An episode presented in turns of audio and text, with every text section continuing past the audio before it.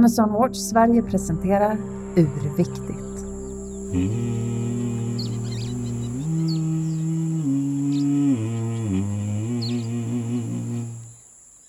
Detta är det fjärde avsnittet av Amazon Watch Sveriges podd Urviktigt.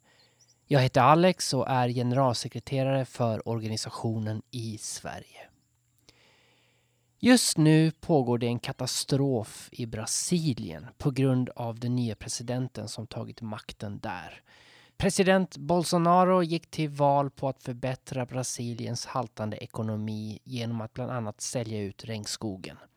Han vill skynda på skövlingen, öka jordbruksindustrin samt bygga ut vattenkraften i Amazonfloden. Alla dessa dåliga idéer får stora konsekvenser för vår planet, men även för urfolken. Han har lovat att de inte ska få en enda centimeter ytterligare mark tillbaka. Lägg till detta hans extremt dåliga kvinnosyn och homofobi så har vi ett recept på en riktigt dålig ledare och en mörk framtid för Amazonas. Men som tur är har han inspirerat miljoner människor runt om i världen att mobilisera sig och Amazon Watch tillsammans med alla våra allierade runt om i världen kommer nu att öka våra ansträngningar att skydda Amazonas och det urfolk som lever där. Vi kommer aldrig att ge upp. Detta avsnitt kommer dock inte handla om detta. Däremot kommer vi att diskutera det som sker i Brasilien mer djupgående i kommande avsnitt. I detta avsnitt kommer det att handla om slow fashion. Slow fashion är när kvalitet går framför kvantitet. När prioriteringen är på färre och finare plagg med hållbar produktion och minimal negativ miljöpåverkan. Det är en inställning till mode där eftertanke och medvetenhet står i fokus. Vår gäst är Josefin Liljeqvist som skapat en sko som heter Andrew. Josefins mission är att påskynda världens övergång till ett förbättrat djurskydd genom att kombinera mode, teknik och påverkan. Josefin har blivit belönad med flera priser för sin vision och för hennes produkt, den här skon som heter Andrew, som är gjord av världens första spårbara läderfodral. Men vi låter henne själv berätta mer om detta. Bra att veta dock är att när Josefin nämner en person som heter Jasmin så syftar hon på Amazon Watch ordförande. Så tack för att du är med i podcasten. Tusen tack för att jag fick vara med. Så berätta lite vem du är och vad du gör. Eh, mitt namn är Josefin och jag driver ett företag som heter Josefin Liljekvist som är mitt egna liksom, skovarumärke. Och det jag jobbar med där är att skapa skor som är fullt spårbara. Så att jag kopplar in kunden i skons produktionsresa och genom det försöker öka förståelsen för hur skoproduktion går till och varför det är viktigt att vi tänker på djurskydd inom just läder och skoproduktion. Så varför, varför är det bra att de är spårbara? Det som sker idag är ju i eh, alltså köttkonsumtionen om man kollar på att vi har en köttkonsumtion som är väldigt, väldigt stor och sen har vi en läderkonsumtion som också är väldigt stor. Men idag har vi ingen naturlig synkning däremellan utan vi tappar spårbarheten från om djuret har haft ett bra liv när vi liksom flår djuret om man ska vara så brutal. Um, och därför är det viktigt att när man får en läderprodukt som senare blir en skoprodukt att bli helt transparent. Då börjar man diskutera lite annorlunda i liksom, varför ser logistikkedjor ut som de gör? kan vi ändra om logistikkedjor för att få hållbara ekosystem? Och om man kollar på FNs globala mål då har vi inget av de målen som är direkt kopplat till just djurskydd eller djurvälfärd utan det är mer sekundära mål. Eller djuren går in som en miljöfråga. Och genom att då skapa den här transparensen i skoproduktionen så hoppas jag att liksom lyfta frågan på att om vi inte inkluderar djuren kan vi verkligen då ha hållbara ekosystem. Och de här skorna som du gör, är det du själv som, som tillverkar dem? Nej, jag tillverkar dem inte själv utan jag samarbetar då med, med andra företag. Men jag designar dem. Så nu har jag samarbeten med Kravgårdar i Sverige där jag köper hudarna ifrån och köper djur, eller hudarna ifrån djuren. Och sen ett slakteri och sen ett garveri i Sverige som är Tärnsjö garveri. Sen samarbetar med en skomakare i Gamla stan som heter Skomakare Framåt. Och sen skickas de ner till Italien jag samarbetar med ett företag som heter Stefano Bemer som är en jätteduktig skomakare. Så de syr dem åt mig men de designas härifrån. Och sen har alla skor då ett nummer.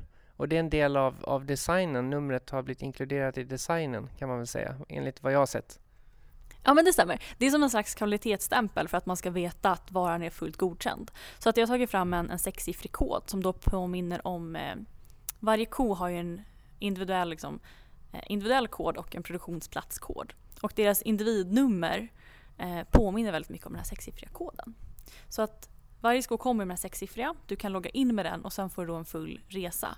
Och i och med att jag jobbar med en väldigt diskret produkt alltså, så har jag inte velat branda den så mycket utan det enda som är branding på den är egentligen koden som då man alltid kan se på skons ovandel. Och eh, vem är det som skulle vilja köpa de här skorna? Vem, vad är med marknaden? Eller vilken är marknaden som du går efter?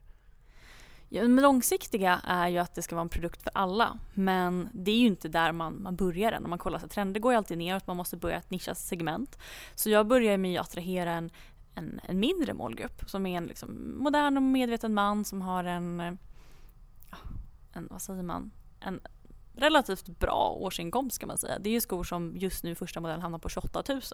Så det kanske inte är skor som alla är intresserade av att köpa. Utan det börjar i en liten grupp för att vi på ett lätt sätt kan liksom diskutera i den gruppen och sen föra diskussionen vidare. Men det är ju ett, ett engagemang som alla i världen kan vara en del av. Även om produkten kanske inte är just nu för alla. Men den kommer bli det i framtiden med att vi Eh, underlättar hur produktionskedjor ser ut och vi underlättar hur vi kvalitetsmärker eh, skinn. Så att vi kan liksom i framtiden i visionen att skinn som har liksom myggbett och ärr och bristningar, det är de som ska ha den högsta kvaliteten. För att de bär ju flera livshistorier. Men det är en lång resa att nå det. Och det är först då som vi kommer kunna nå en mer kommersiell kund och en kommersiell nivå i produkten. Om alla skor är gjorda på det här sättet att man kan spåra dem eller att det är gjort hållbart, eh, då ökar väl priset för alla skor? Ja, det gör det ju. Det, dels så kommer det öka, men jag tror inte att den globala lösningen är att alla ska använda läder. Ehm, jag tror att det handlar om att om vi nu använder läder, då ska det kosta mer. För att det är ett annat liv som vi har tagit för den här produkten och vi måste respektera det på en väldigt hög nivå. Och det handlar om att de mer kommersiella produkterna, som absolut ska få finnas, men där vi masskonsumerar på ett annorlunda sätt. Där kanske vi ska kolla mer på eh, hur kan vi återvinna plast ifrån haven, liksom, som många företag har, har gjort. Hur kan vi skapa mer liksom, cirkulära affärsmodeller inom när vi eh, utvecklar apelsinskal till att bli läder eller svampar till att bli läder. Men när vi just använder läderprodukter så borde det finnas ett, ett högre minimipris där faktiskt bonden och slaktaren tjänar på att vara snälla mot djuret och där de får liksom en större return on investment istället för att vi bara ökar priserna för slutkunden hela tiden. Så att vi liksom balanserar systemet lite bättre. För de urfolk som gör kläder av djur, de kläderna brukar oftast gå i arv så att det är ju inte så att de eh, varje år gör nya kläder av läder utan de har ju samma i lång tid för det mesta medan vi köper nytt ganska regelbundet. Ja, så, absolut så är det ju. Och det är ju där det blir lite skevt många gånger i modeindustrin. Och jag är medveten om att min produktion, alltså min, min produktion uppmanar ju till konsumtion. Förutom att du konsumerar produkten så får du inte tillgång till hela resan av produkten och på så sätt så kan man heller inte förstå hur exakt en lädersko är konstruerad. Um, och det är ju en produkt som, för att företag ska kunna finnas så måste folk köpa den. Men däremot så ska den konstrueras på sånt sätt att den ska kunna vara odödlig. Så att du ska kunna ha den, du ska kunna ge den vidare. Um, du ska också kunna liksom serva den på ett så pass bra sätt att du, liksom, du putsar den och, och stylar den så att den ska hålla länge. Vad var det som gjorde att du började med det här med just skor eller, eller var det mode som var det första? Um, det är en kombination av det. Jag har jobbat med skor i, nu tror jag att det är 11 år i år faktiskt, på olika sätt. Jag har jobbat extra i skobutik och, och liksom hjälpt till, jag utbilda skodesigner. Men anledningen till att jag faktiskt började med just det här projektet har med Jasmin att göra. För jag jobbade, jag träffade ju eh, Jasmin 2014 tror jag det var. Och då jobbade jag i Världsnaturfonden som så här, in, alltså, välgörenhetsinsamlare. Och det jag möttes av där var att många människor inte såg djuren som en naturlig del av ekosystemen. Utan man sa det att om du är en god människa, då ska du jobba för människorna. Och eh, du är då en dålig människa för att du jobbar med att försöka få in pengar för djuren. Och det slog mig att det här är liksom en fråga som inte är på en individnivå. Eh, utan det här är liksom inte någonting en enskild organisation kan göra. Det är inget en enskild människa kan göra. Men globalt sett så kan vi göra det. Men kan vi då ändra fokuset från att istället för att det är en organisation som är beroende av donationer hela tiden, kan vi skapa en produkt som driver samma förändring men stoppa in den i en ny marknad som vi idag inte har attraherat? Och det blev ju liksom där jag hittade kopplingen att kan man skapa en, en global förändring för djuren inom modeindustrin där jag hade varit i många år. Och då började det liksom 2015 att formas till att bli en produkt. Är det ekologiskt och hållbart tänk inom modeindustrin eh, i, i, runt om i världen? Vi ser ju en jätte, jättestark ökad trend. Alltså globalt sett så ökar ju hållbart mode jättemycket just nu. Men det här är också en jag tycker det, det, det, är en rätt komplex fråga när man frågar om just hållbarhet och ekologi. Um, för alla företagen gör ju sitt absolut bästa. Ehm, men jag vet också många företag som inte vågar sätta stämpeln ekologi eller hållbart på sin produktion. För istället för att då kunden säger så här, shit vad ballt de jobbar med hållbarhet inom det här segmentet så har man märkt att de har istället fått kritik för de produkterna som inte är hållbara. Och då blir det ju svårt att leda en förändring om man känner sig att kunden inte kan förstå att ibland så gör man fel. Alltså så här, man är inte mer än mänsklig men just ibland när det blir med företag så måste allting vara perfekt. Så att, att svara på frågan är att det är, en, det är en global trend som ökar jättemycket. Vi kan absolut göra mer men jag tror vi måste också se det från att när vi försöker göra mer och fallerar så måste man få mer acceptans från kunden att okej vi har försökt men vi nådde inte hela vägen fram. Och det är där jag tror transparensen kommer in. Att vi kommer inte nå full eh, ekologi och hållbarhet om vi inte stoppar in transparensen. För då kommer inte liksom, jag som person eller jag som köpare av en produkt förstå vad jag faktiskt betalar för. Då blir det bara ett fint ord med en fin stämpel som man inte kan liksom skapa en känsla till eller en tillhörighet till. För det är intressant till exempel med mjölk, att de inte, varför gör de inte bara ekologisk mjölk? Det är alltid de här ekologisk eller vanlig mjölk och det finns ju så med alla produkter. Men jag har också tänkt att eh, egentligen borde det heta eh, miljöfarlig mjölk och sen den som är ekologisk, den heter bara mjölk. Att det ska vara tvärtom. Jag har också tänkt på det där med just det, varför stämplar man inte saker för vad de faktiskt är? Så att man ser det att ja, men här, är det, här är något som inte är producerat på okej sätt, det är därför det kostar det priset. Och här betalar du för att det, företaget har en jättebra marginal eller här betalar du för, för det här. Liksom att det är eko eller fairtrade exempelvis. Men, men just för mjölk, nu är jag inte visserligen en mjölkbonde på något sätt.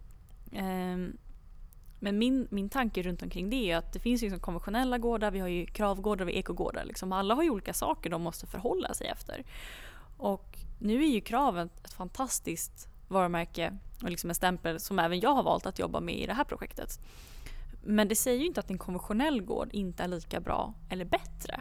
Det betyder ju bara att den kan se på det på ett annorlunda sätt. Och det är där liksom transparensen kommer in i just märkningarna. Att om vi inte som kunder kan förstå vad vi faktiskt köper så även om vi försöker göra rätt så kan vi köpa fel. Det är som om man köper bananer som jag brukar tycka är ett klockrent exempel. Så finns det liksom eko, fairtrade och krav.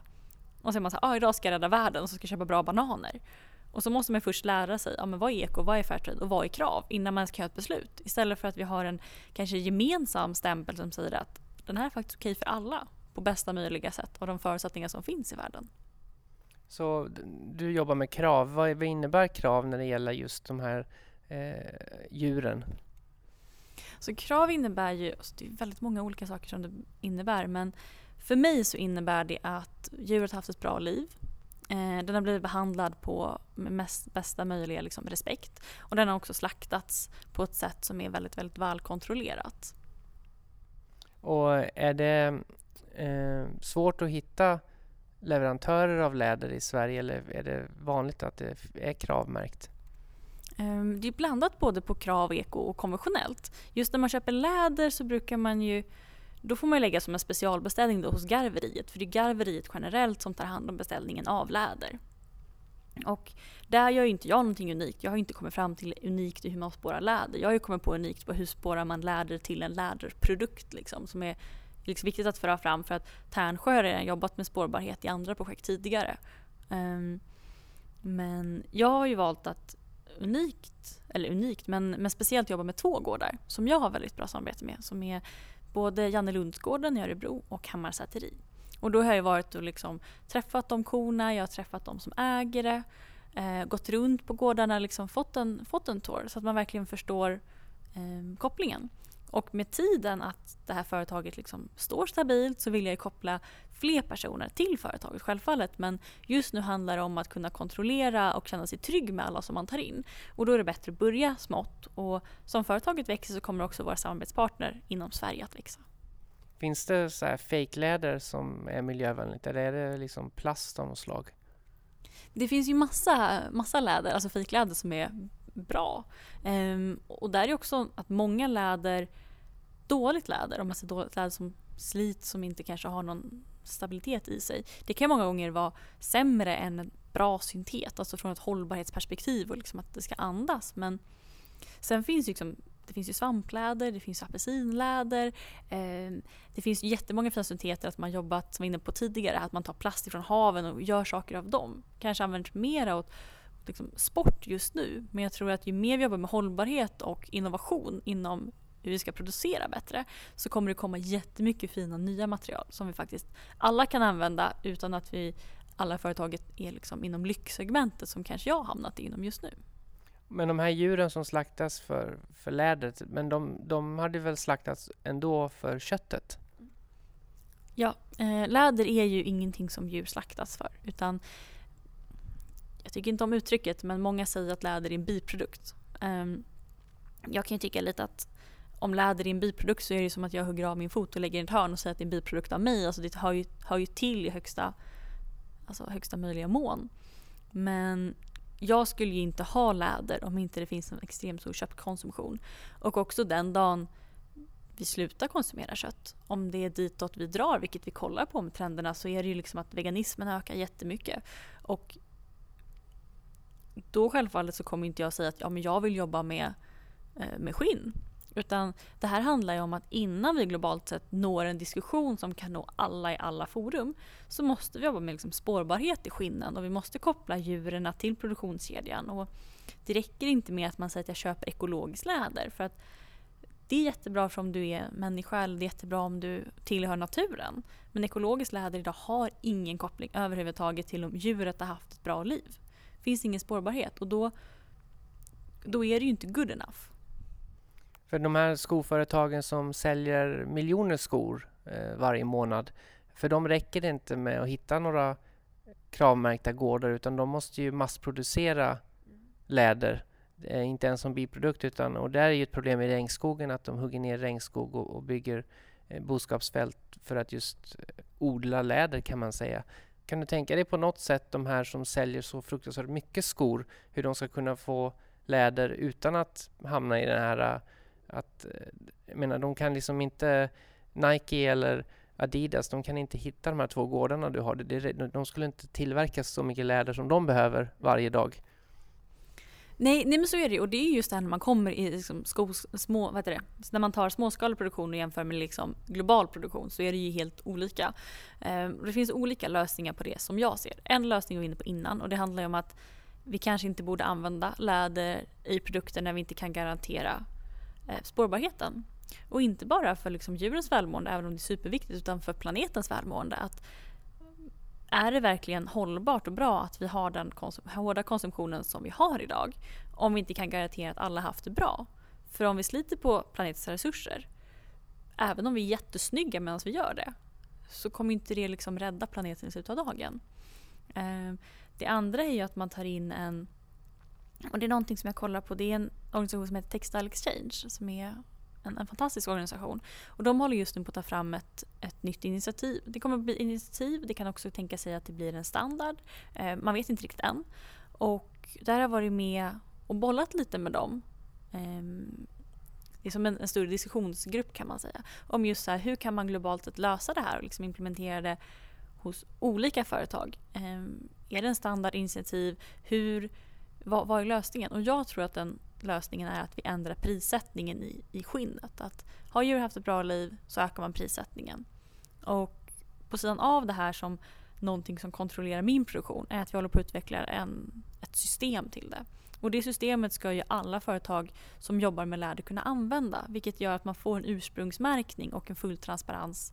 Så att även om du är, säger att vi jämför H&M så ska H&M kunna använda det här systemet och då om kunden frågar du exempelvis varifrån kommer mina skor? Då ska H&M kunna slå upp det här och säga ja men det kommer från den här gården exakt här och det här exakta djuret.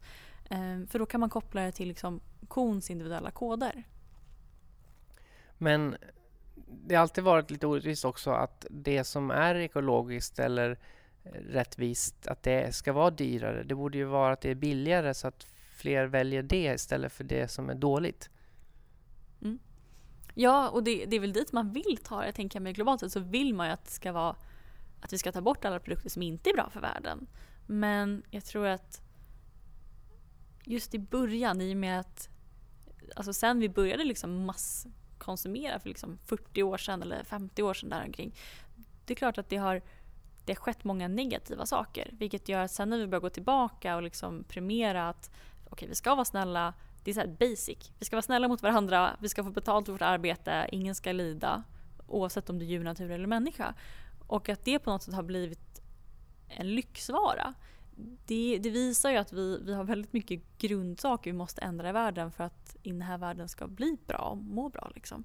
Ehm, så det är klart att skulle man kunna pressa ner priserna men då blir det inte riktigt hållbart heller. För att pressar vi ner priserna för mycket då får inte de andra lika bra betalt. Så det är alltid någon som kommer lida om vi pressar priserna för mycket.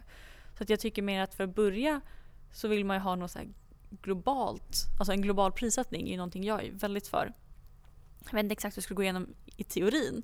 Men att man säger man kollar på varje land och varje lands liksom, ekonomi. Så kollar man eh, vad borde en vara i det här landet kosta? Och den kostar X kronor.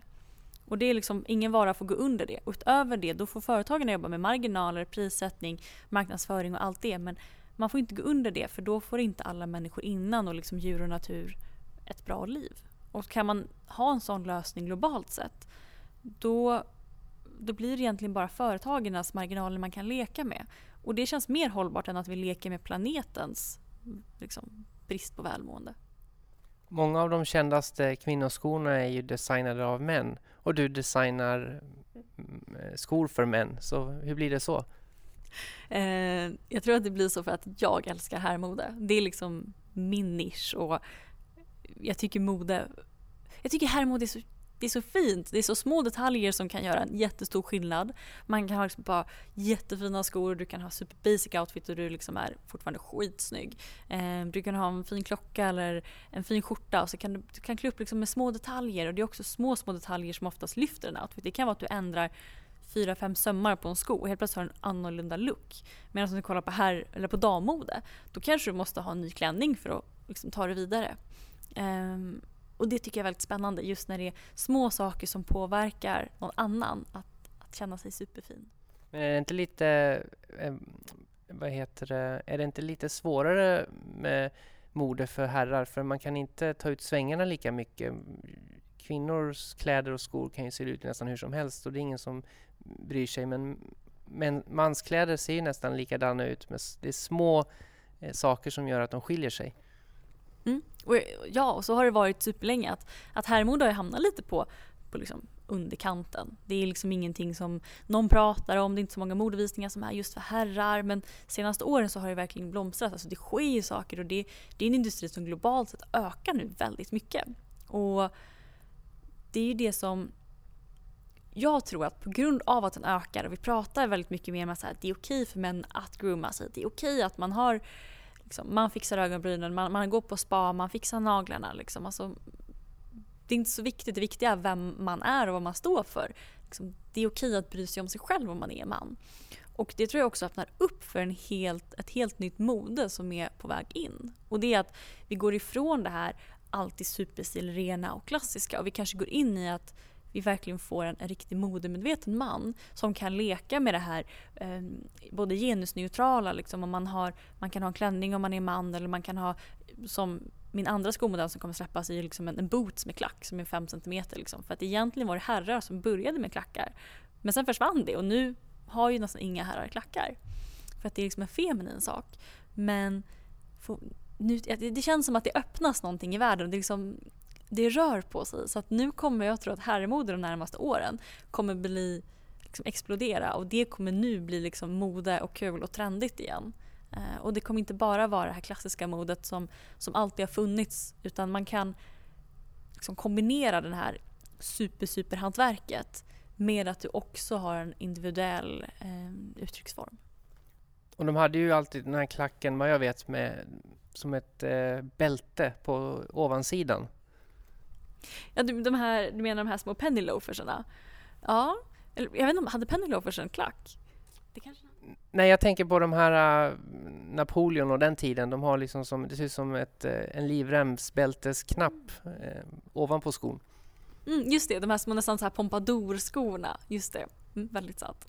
Det var ju också sen första när man började ha röda sulor så var det liksom en kung som sa det att ah, det får bara vara liksom hovet som har röda sulor så det skulle vara lite unikt. Så det har alltid varit så små detaljer som är väldigt spännande i skor som man kan koppla in i liksom, eh, nu och jobba med mer. Så eh, vad är det för sorts skor eh, du gör då? Är det för liksom ska passa till kostym eller fest eller är det vardagen? Jag ser ju att jag gör skor som... Jag vill ju att man alltid ska bära de här skorna så att man alltid ska känna sig jättefin i dem. Men jag tror att... Jag ser ju mer att mina skor är ett komplement till en persons personlighet. Att den genom de här skorna kan få uttrycka att den känner sig trygg i den den är. Um, vilket gör att vill du styla mina, mina skor med liksom en Levi's 501 och en trasig tischa och sen har du ett par jätteklina skor till. Det tycker jag är skitfint. Vill du ha en, en tredelad kostym eh, som är superlyxig och liksom ett par skor som egentligen passar klassiskt i den utformningen. Det är också jättefint. Men jag vill att man ska ta de här skorna och göra dem till sina. Och det gör man genom att hitta sig själv och kolla på så här, vad är jag snygg i? Vad känner jag mig bekväm i? Eh, och hur kan jag använda de här skorna liksom och, och, bli den bästa versionen av mig själv? Så att jag vill att skorna ska bidra till liksom att man uttrycker mer av sig själv. Och att skorna är så pass neutrala är för att man ska kunna ha dem till mycket. Men man ska aldrig liksom känna sig felklädd i dem. Du ska kunna ta en, en business trip och känna att du har två skor med dig. Du reser med ett par så har du ett par som du kan använda på dejten, affärsminglet, eh, presentationen, eh, vad som helst. Och eh, om det är någon nu som går in och kollar och tittar på dina skor men känner att de inte har råd men ändå vill köpa skor som har samma etiska och ekologiska eh, nivå. Vad, vad, kan man göra då? Vad ska man tänka på? Mm, den etiska nivån är ju lite svår i och med att till min vetskap så är det här första varumärket som finns som jobbar med just exakt det här. Liksom. Eh, det man kan, man kan vänta till jag släpper en sneakers nästa år. Det är positivt men det som jag tror är att kolla på, på andra företag som jobbar alltså hållbarhetsmässigt med andra material. Eh, jag skulle inte rekommendera att man köper liksom ekologiskt läder om man känner nu att man vill... Det beror på vilket perspektiv man har i hållbarhet. Eh, jag, jag är väldigt medveten om att hållbarhet betyder olika för olika människor och man har olika saker man vill engagera sig i. Och vill man engagera sig mycket i att människor och naturen ska ha bra, då är ekologiskt läder ett jättebra alternativ. Vill man fokusera på att djuren ska ha ett bra liv, då är det ju antingen syntetiska material eller fullt spårbara material där kunden går in och verifierar och inte alltid företaget, för då vet man inte alltid vad man får. Även om vi hoppas att man alltid får liksom bra saker. Um, tänker vart man skulle kunna kolla. Mm, den är lite svår. Jag vet inte just nu vart man skulle kunna kolla. Uh, jag, skulle nog, jag skulle nog ha kört liksom någon, någon, sportreferens. Sen finns det några som jag tycker är väldigt bra. Det är ju eh, Echo för att de äger sina, sina kedjor liksom på ett väldigt bra sätt. Eh, sen beror det på liksom vad man tycker om stil och sådana referenser. Men det kan vara bra. Vad är din tanke med den här sniken du ska göra då? Tanken är där är att man ska, alltså man ska kunna ha en sko som man är typ lite snabbare i. Eh, som man ska kunna ha till flera tillfällen. Eh, om man kollar på generella tips från skomakare så brukar man säga att man ska ha typ en baskollektion på 12 stycken skor. Jag läste det någonstans och det var så kul att då ska man klara sig typ hela livet. Så tänkte jag, men hur, hur skapar man den liksom perfekta kollektionen? Eh, och då tänker jag att jag börjar med en bas och så släpper jag lite. Andrew som släpps nu är den första som är liksom limiterad. Nästa gång så släpper vi lite mer en, en modeinspirerad touch med en boots med klack och sen efter det så är det en modell som heter James som är en sneakers. Och sen när de är ute så kommer vi släppa liksom lite mer i kollektionssläpp. Men det här är för att på ett bra sätt kunna ge varje produkt den möjligheten att, att komma ut på marknaden på ett långsamt sätt och tryggt sätt och inte bara liksom trycka ut någonting för att det ska ut utan när produkten är klar så presenteras den eh, för marknaden. Och är det på nätet man handlar dina skor då eller finns det butik, i butiker? Eh, det kommer inte vara via butiker utan det är primärt på min hemsida eller så kommer det vara event som hålls så att man får möjlighet att prova. Ehm, skorna just nu i början är ju made to order vilket gör att vi har ingen lager på dem utan från att man lägger sin beställning så är det tre månaders leveranstid. Men lägger man en beställning nu så kommer inte skon förrän augusti 2018 på grund av att alla delar av produktionen är inte helt säkra än. Och eh, det gör ju också att det finns lite längre liksom, leveranstider. Och var, eh, vad är det hemsidan och var, var, kan folk få kontakt med dig och, och, och din eh, konst kan man väl säga? Um, ja, den är, den är enkel, den kör ju mitt namn så det är josefinliljekvist.com. Ja, men man signar upp sig på, om man är på hemsidan så trycker man på Keep Me Updated och signar upp sig för, för nyhetsbrevet. Och där, förutom att man får ett nyhetsbrev Ehm, som inte är det primära så får man faktiskt små historier varje månad. Så man får historier om varför finns det här företaget, varför finns vissa samarbetspartner och man får liksom lära känna alla individuella personerna bakom det här företaget. Ehm, och då är det samarbetspartner både i Sverige och Italien. För för mig är det väldigt viktigt att det här är inte ett företag som, som bara det bär mitt namn. Men vi är, liksom, vi är väldigt många som har gjort det här möjligt, som har trott på projektet. Som att, att det finns en gård som säger att du kan eh, få köpa vårt skinn liksom, när vi ska slakta. Eller det finns ett slakteri och det finns liksom ett garveri och det finns någon som syr skorna. Och alla de är för mig enormt, enormt viktiga. Och jag vill lyfta deras historier för utan dem hade inte det här företaget haft en historia att stå på. Tack för att du tog din tid att prata. Tack själv.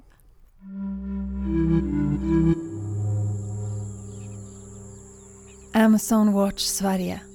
Vi stödjer urfolken vi skyddar regnskogen. Gå in på amazonwatch.se för att läsa mer. Tack till alla er som vill bidra till vårt arbete. Swisha din gåva till 900 5422. Jag heter Regina Lund och jag är ambassadör för Amazon Watch Sverige och jag tackar er från botten av mitt hjärta. Det ni gör är viktigt. Ni räddar planeten. Tack! Det var allt för detta avsnitt. Vi avslutar med att lyssna på The Source of Life av Tom Strandberg från hans EP The Nature Calls. Köper du denna skiva går pengarna till Amazon Watch Sverige. Länk finns i avsnittsbeskrivningen. Tack för att du lyssnade och vi hörs i nästa avsnitt.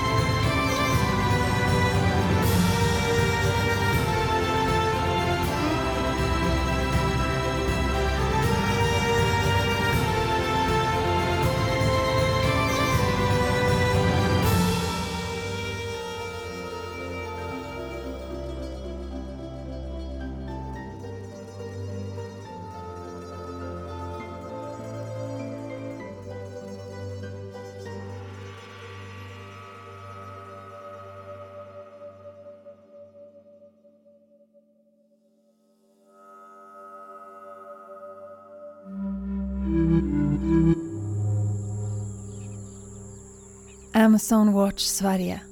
Vi stödjer urfolken. Vi skyddar regnskogen.